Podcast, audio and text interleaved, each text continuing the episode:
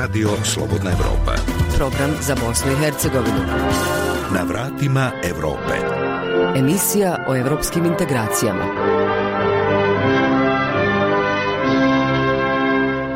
Dobar dan, ja sam Leila Omeregić Ćatić i s vama sam narednih pola sata tokom kojih će biti riječi o temama koje se odnose na približavanje Bosne i Hercegovine standardima Evropske unije, odnosno evropskim integracijama. Tako jedan od prioriteta koji Bosna i Hercegovina mora ispuniti prije početka pregovora o članstvu, bolji zakon o javnim nabavkama kako bi se stalo u kraj namještanju poslova.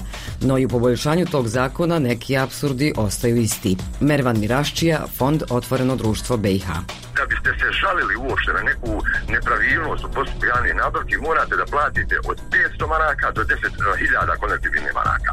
Ukoliko se ustanovi u tom žalbenom procesu da je neko pogriješio, da je neko nešto zloupotrijebio, da je neko nešto napravio što je protuzakonito, on će biti kažnjen ovaj, kaznom od 300 do 3000 maraka. Udruženje za poduzetništvo i posao Link iz Mostara u protekle dvije decenije provelo je desetine projekata teških na desetine miliona eura, a finansiranih evropskim novcem. Svi projekti imaju konkretan značaj za ljude u Bosni i Hercegovini, a i u zemljama regije. Predsjednik udruženja Tomislav Majić. Inače, generalno se postavljamo da od svake tematike koju život danosi u stvari možemo napraviti biznis i da, da se kroz biznis u stvari najlakše ljudi i pomire i naprede svoje odnose i na neki način kada ekonomija napreduje, napreduju svi ostale aspekti življenja. Bosna i Hercegovina zaostaje u mnogo čemu kada je u pitanju približavanje europskim standardima pa i u razvoju elektromobilnosti. Haris Muratović, predsjednik udruženja zastupnika i trgovaca automobilima. Sve zemlje regiona imaju određene stimulativne mjere za nabavku električnih automobila, hibrida, bilo kojih ekološki prihvatljivih automobila. Međutim, nažalost, kod nas niti kantoni, niti federacija, niti država Bosna i Hercegovina nemaju nikakve stimulacije za ekološki prihvatljive automobile. To su samo neki od sadržaja koje ćete čuti tokom emisije na vratima Evrope. Ostanite uz nas. Na vratima Evrope.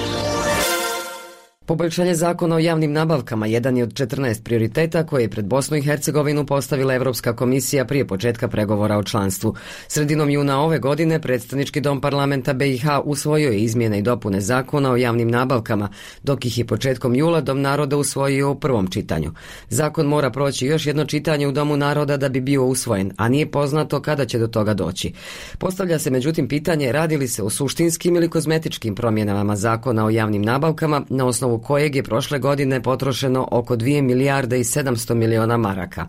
Detaljno o tome raspitao se i saznao Arnes Grbešić. Izmjene zakona o javnim nabavkama koje je u parlamentarnu proceduru uputilo vijeće ministara Bosne i Hercegovine daleko su od željenih rješenja kojim bi se stalo u kraj namještanju poslova koji se plaćaju javnim novcem. Neki od apsurdnih propisa, kako ih ocjenjuje Mervan Mirašija iz Fonda Otvoreno društvo Bosne i Hercegovine, ostali su nepromijenjeni. Da biste se žalili uopšte na neku nepravilnost u postupku javnih nabavki, morate da platite od 500 maraka do 10.000 konektivnih maraka.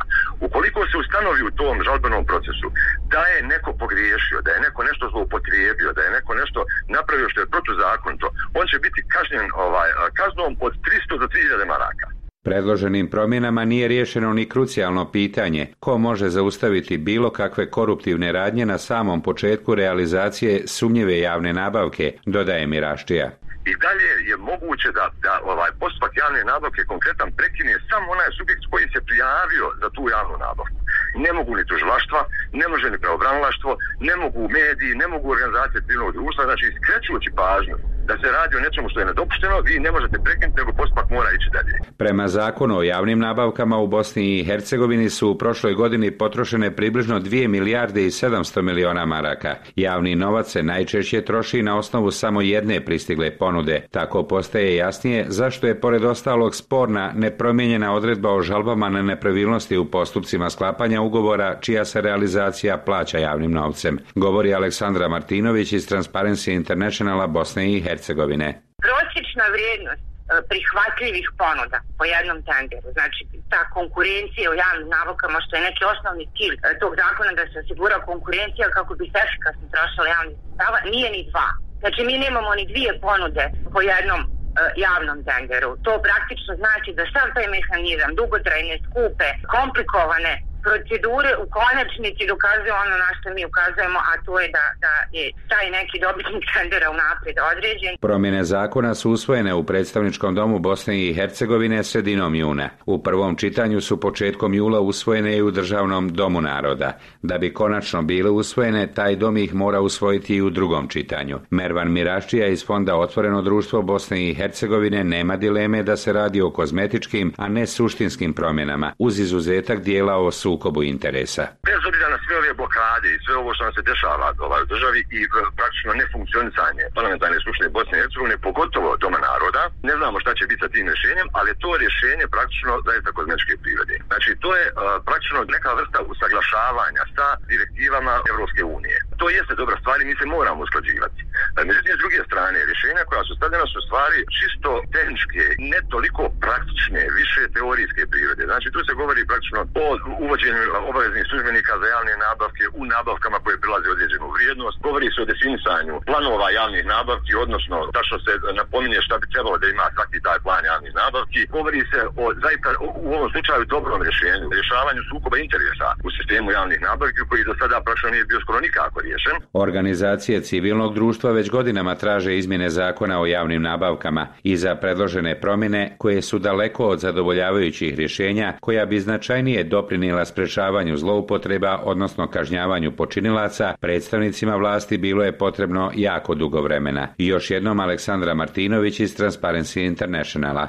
Zato što to nikome ne odgovara. Naprosto javne nabavke su osnovni sistem izvlačenja zapravo novca iz javnih budžeta, osnovni je li taj neki koruptivni mehanizam i apsolutno da E, trenutno stanje u kome je haos, u kome svakodnevno gledamo kako mediji objavljuju jeli, na inicijativu civilnog društva e, brojne afere, e, ti tenderi se njihova vrijednost, znači nabavki se povećava i po pet i deset puta više nego što je to realno, tako da apsolutno da ta situacija odgovara političkim strankama i odgovara onom dijelu poslovnog sektora koji je u bliskoj i tjesnoj vezi sa političkim strankama. A evo što misle neki od zastupnika u parlamentu Bosne i Hercegovine o usvojenim izmjenama i dopunama zakona o javnim nabavkama. Šemsudin Mehmedović iz SDA smatra da je Bosni i Hercegovini potrebna radikalna promjena tog zakona. Zašto nema političke volje?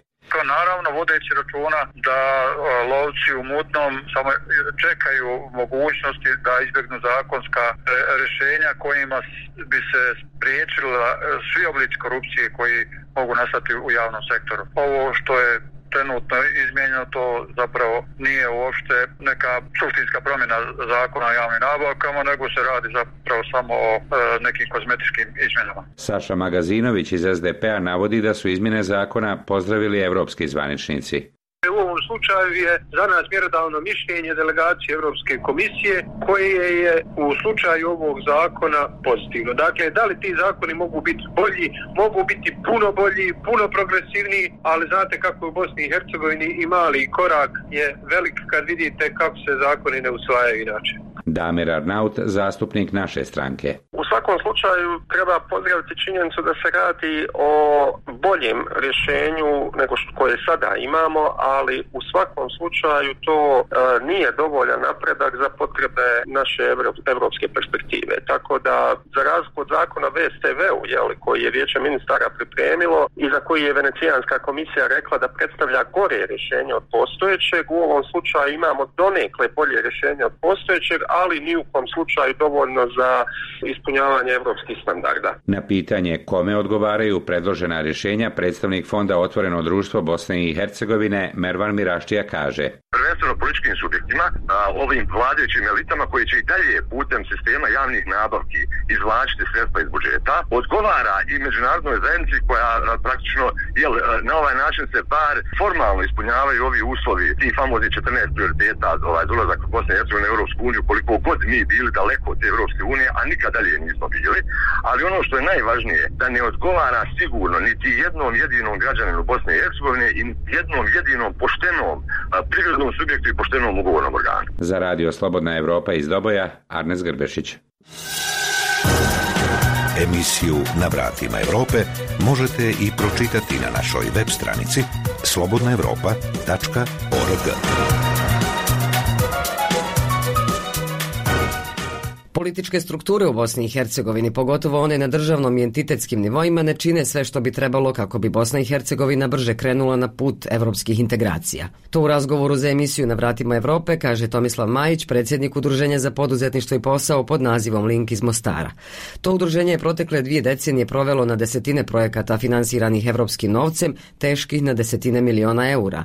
O kakvim projektima je riječ? Šta znači za ljude, da li opstaju i šta bi za BiH značilo ubrzavanje evropskog puta, zabilježio Mirsad Behram. Udruženje za poduzetništvo i posao Link iz Mostara obilježilo je nedavno 20 godina postojanja. Funkcioniraju na način da rade prvenstveno međunarodne projekte koje prije svega finansira Europska unija, ali i ambasade Norveške, Švicarske, USAID te druge međunarodne organizacije. Predsjednik Udruženja za poduzetništvo i posao Link iz Mostara Tomislav Majić. Mi smo do sad implementirali preko 50 projekata koji su finansirani od strane Europske delegacije, odnosno Europske unije, ukupna vrijednost preko 8 miliona eura. Inače, generalno se postavljamo da od svake tematike koju život nanosi u stvari možemo napraviti biznis i da, da se kroz biznis u stvari najlakše ljudi i pomire i naprede svoje odnose i na neki način kada ekonomija napreduje, napreduju svi ostale aspekti življenja. Riječ je o projektima u kojima su radili sa partnerima ne samo iz BiH, nego i iz Crne Gore, Hrvatske i Srbije. Svi ti projekti imaju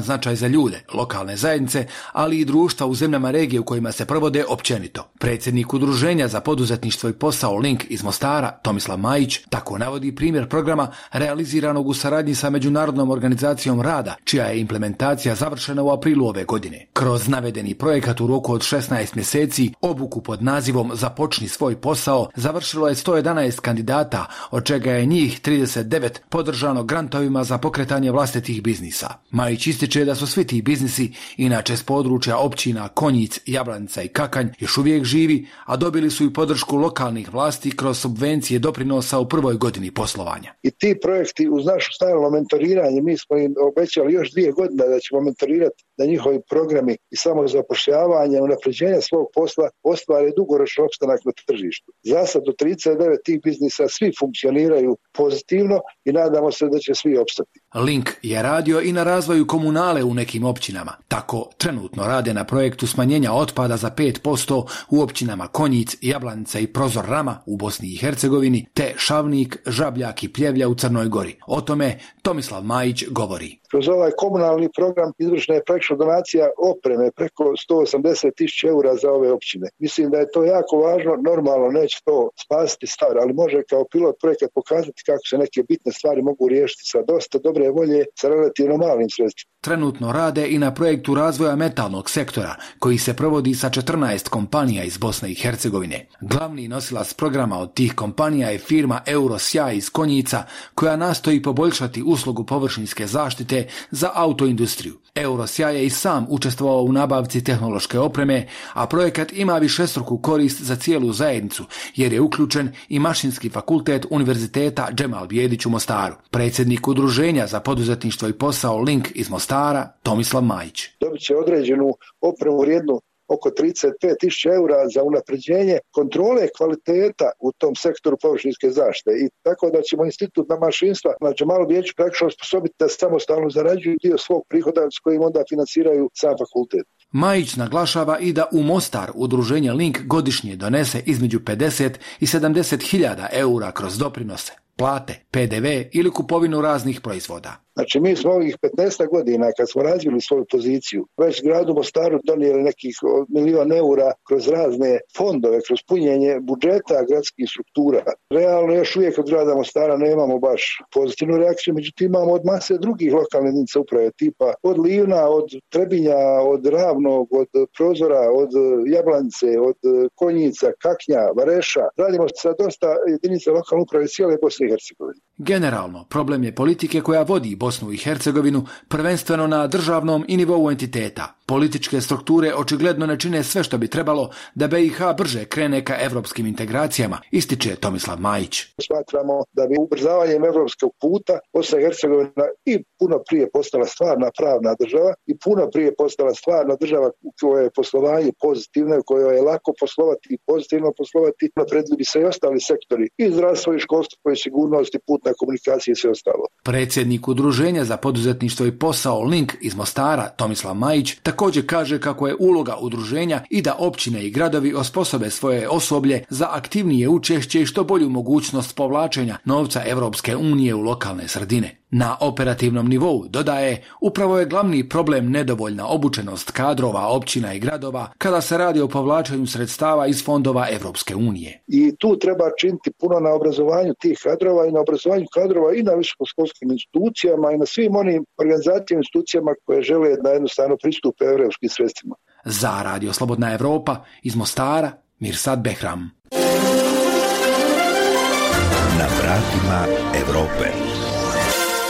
Još jedno polje na kojem Bosna i Hercegovina zaostaje za Europskom unijom, ali i za zemljama regije je elektromobilnost. To se naravno ogleda kako u zanemarivom broju električnih automobila u prometu, tako i u nepostojanju infrastrukture. Priču o tome donosi Azra Bajrić. Prednosti električnih u odnosu na konvencionalne automobile su ogromne, a prije svih ogledaju se u niskim troškovima održavanja i izostanku emisije štetnih gasova. struka korist i očita prednost u Bosni i Hercegovini još nisu prepoznate, što ilustruje podatak da do prije dvije godine u Bosni i Hercegovini nije bilo ni 15 električnih automobila, danas tek nešto više od 50. Armin Hođić, direktor sektora energetike pri Privrednoj komori Federacije Federacije BiH. Nekad sredinom 2019. godine ti vozila je bilo na dvije, malo više od dvije ruke se moglo nabrati, odnosno 12-13. Većinom su to bila vozila koja su kupili ljudi entuzijasti koji su jednostavno bili zainteresovani kako to vozilo radi i većinom su ih punili na svoje kućne priključke, da kažem, na učnice. Sada trenutno mi imamo preko 52-3 električna vozila koja su stalno, da kažem, registrovane. U zemljama regije i Evropske unije nabavka električnih automobila se subvencionira. Bosna i Hercegovina je uz Kosovo jedina zemlja u regiji koja ne daje nikakve olakšice svojim građanima prilikom kupovine elektroautomobila, a elektromobilnost nije prepoznata ni u zakonskim okvirima, niti se planira potrebna infrastruktura. Haris Muratović, predsjednik udruženja zastupnika i trgovaca automobilima. Sve zemlje regiona imaju određene stimulativne mjere za nabavku električnih automobila, hibrida, bilo kojih ekološki prihvatljivih automobila. Međutim, nažalost, kod nas niti kantoni, niti federacija, niti država Bosna i Hercegovina nemaju nikakve stimulacije za ekološki prihvatljive automobile. U Europskoj uniji su prije pet godina uvedene direktive razvoja infrastrukture za korištenje električnog automobila. Sada se intenzivno radi na subvencijama pri nabavci takvih vozila. Armin Hođić, direktor sektora energetike pri Privrednoj komori Federacije BiH. Infrastruktura je završena, dakle te, te direktive su na, na isteku, odnosno prošle krajem prošle godine su istekle i sada se ide dakle na direktive koje govori o maksimalnim subvencijama pri kupovini električnih vozila. Najveće subvencije za razvoj elektromobilnosti ima recimo jedna od, ako ne najsiromašnijih, možda druga ili treća po siromaštu zemlje Evropske unije, to je Rumunija, najveće subvencije. 10.000 eura je bilo za e, kupovnu električnog vozila. U Hrvatskoj subvencija iznosi 9000 eura, Sloveniji 7500, a u Crnoj Gori i Srbiji po 5000 eura. U Albaniji se ne plaća PDV na nabavku ovih automobila. U Bosni i Hercegovini nema nikakvih olakšica, mada se samo na ime eko naknada pri registraciji vozila prikupe ogromna sredstva. Nema značajnih aktivnosti ni na promociji električnih automobila, posebno sa aspekta učuvanja zdravlja ljudi i okoliša. Haris Muratović, predsjednik udruženja zastupnika i trgovaca automobilima. Ono što je jako bitno naglasiti da azotni oksidi koji dolaze pretežno iz dizelskih agregata, kojih je 65% u Bosni i Hercegovini, su ubitačni i kancerogeni za naš organizam i jako puno štete zdravlju naših stanovnika. Preko 3,5 hiljade stanovnika u Bosni i Hercegovini godišnje umire od prekomjernog zagađenja. Stavljanjem u fokus elektromobilnosti ovogodišnji sajem ekologije Ekobis učinio je značajan iskorak u pravcu promocije električnih automobila i novih tehnoloških dostignuća, ukazavši prije svega na njihov značaj iz ugla zaštite okoliša. Enes Ružnić, predsjednik Privredne komore Unsko-Sanskog kantona. To je nešto što je veoma, veoma aktuelno, veoma atraktivno. Danas svi govore o hibridnim električnim automobilima. Prilagođavanje zakonskih okvira, izgradnja infrastrukture te omogućavanje olakšica prilikom nabavke elektroautomobila cijene se ključnim mjerama u cilju jačanja elektromobilnosti u Bosni i Hercegovini. Očekivani pad cijene električnih automobila će rezultirati njihovom većom dostupnošću i BH građanima, no za intenzivni razvoj tržišta elektromobilnosti potrebna je veća podrška i poticajne mjere. Za Radio Slobodna Europa, Azra Bajrić. Zahvaljujući skupini entuzijasta okupljenih u speleološkom društvu Mijatovi dvori iz Tomislavgrada, u cijelom svijetu se pronijela priča o vrijednim, čak i epohalnim nalazima u jednom malom gradiću na tromeđi između Bosne, Hercegovine i Dalmatinske Zagore. 12 godina uporno i ustrajno organiziraju međunarodnu speleološku i znanstveno-istraživačku ekspediciju Ponor Kovači, izvor Ričine, tako se i ove godine u speleološkom kampu uz Blidinsko jezero u prvoj polovini septembra okupilo 50 speleologa, biospeleologa, speleoronioca i arheologa. Priču o tome i kako se finansiraju, pomažu li ih i koliko bosansko-hercegovačke institucije i evropski fondovi, istražila je Željka Mihaljević. Biospeleolog magistar nauka Roman Ozimec iz Hrvatske od samog početka je uključen u ekspediciju. Za doprinos otkrivanju i znanstvenoj valorizaciji nalaza iz prebogatog dinarskog podzemlja proglašen je počasnim građaninom Tomislav grada.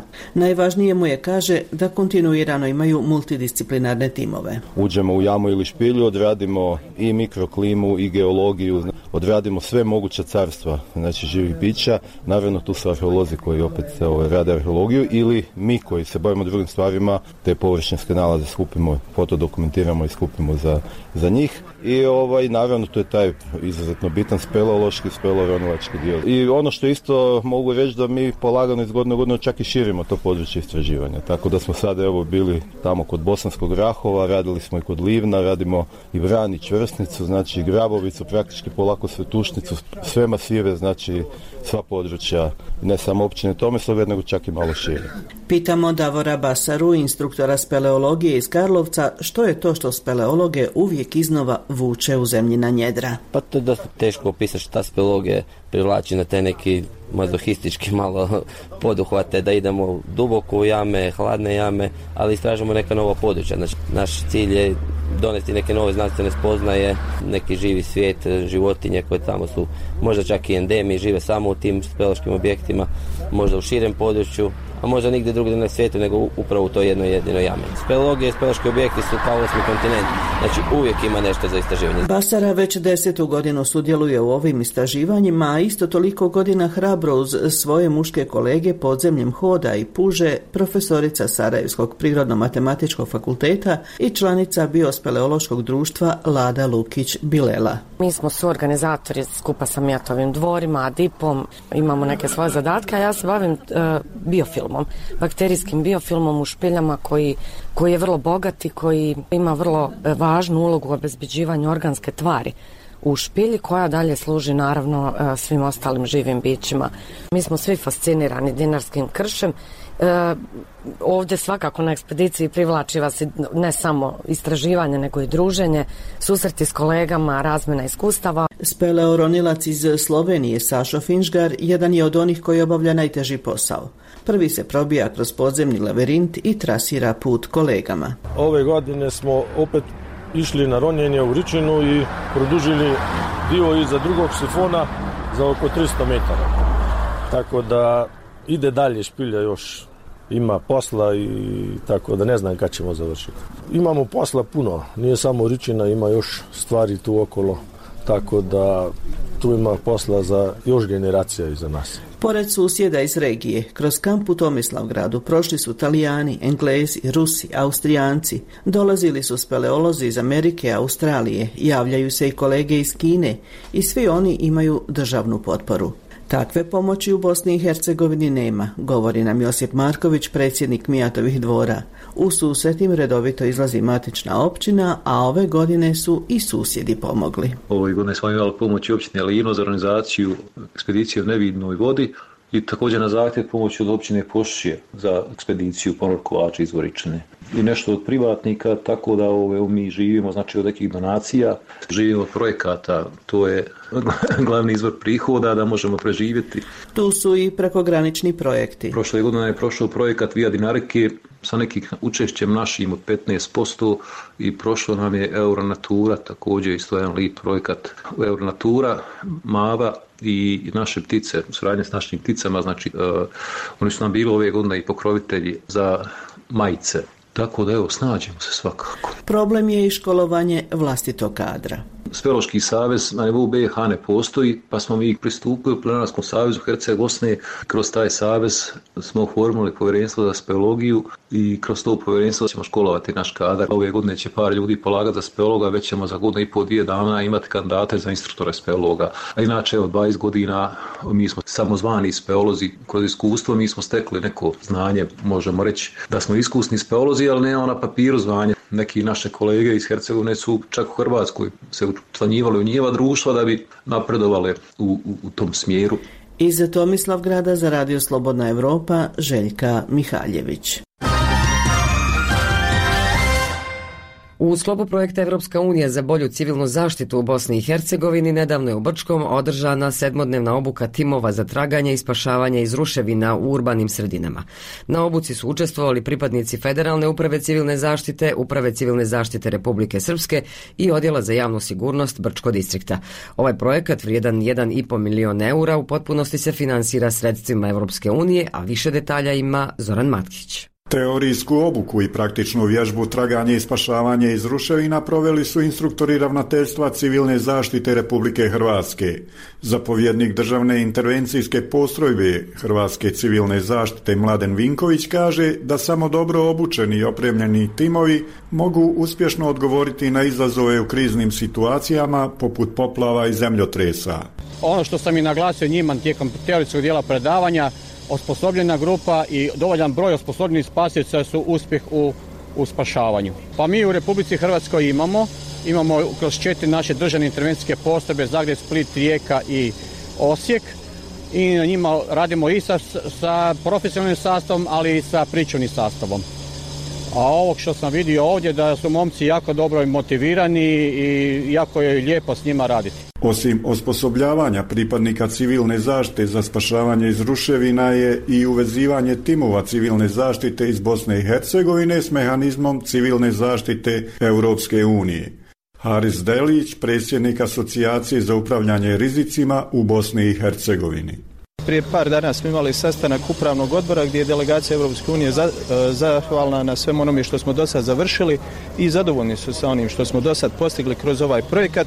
Sigurno najjači projekat ovoga karaktera u Istočnoj Evropi koji se provodi jeste ovaj projekat koji se trenutno provodi u Bosni i Hercegovini gdje je cilj jačanje kapaciteta naših civilnih zaštite radi pristupanja mehanizmu civilne zaštite Europske unije. Tako da ćemo do kraja godine dati aplikaciju i postati, nadam se, već krem ove godine ili početkom naredne punopravni članovi mehanizma civilne zaštite Europske unije bez obzira što nismo članicom Europske unije i na taj način ojačati i naše kapacitete dobijati lakše međunarodnu pomoć i naravno naše kapacitete staviti na raspolaganje ako bude negdje izvan Bosne i Hercegovine trebalo kao naravno i u Bosni i Hercegovini. Predstojnik odjela za javnu sigurnost u vladi Brčkog distrikta Bogdan Bratić kaže da je posljednja obuka jedna u nizu. Prethodno su tri pripadnika odjela za javnu sigurnost prošla obuku kamp menadžmenta, pet pripadnika prošlo je obuku spašavanja na vodi i ovim trećim segmentom traganja i spašavanja iz ruševina u urbanim sredinama se zaokružuje cjelokupni planirani ciklus obuka, naglašava Bratić. Ta tri segmenta spašavanja koje smo prošli i obuke koje su naši pripadnici prošli će u narodnom periodu mnogome značiti kako lokalu, našoj lokalnoj zajednici, tako i lokalnim zajednicom okruženju. Projekat Evropska unija za bolju civilnu zaštitu u Bosni i Hercegovini vrijedan milion i 500 tisuća eura u potpunosti se financira sredstvima Evropske unije. Završna vježba iz ovog ciklusa obuka u kojoj će sudjelovati obučeni i certificirani polaznici iz oba bosansko-hercegovačka entiteta i Brčkog distrikta planirana je za početak idućeg mjeseca u Banja Luci. Za Radio Slobodna Europa iz Brčkog distrikta Zoran Matkić.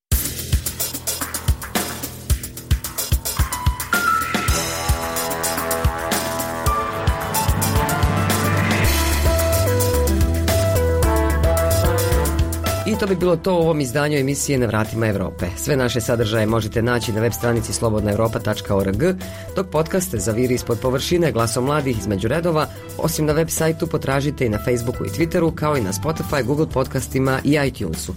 Sa vama su proteklih pola sata bile Vesna Jelčić i Lejla Omeregić-Ćatić. Ugodan dan, do slušanja.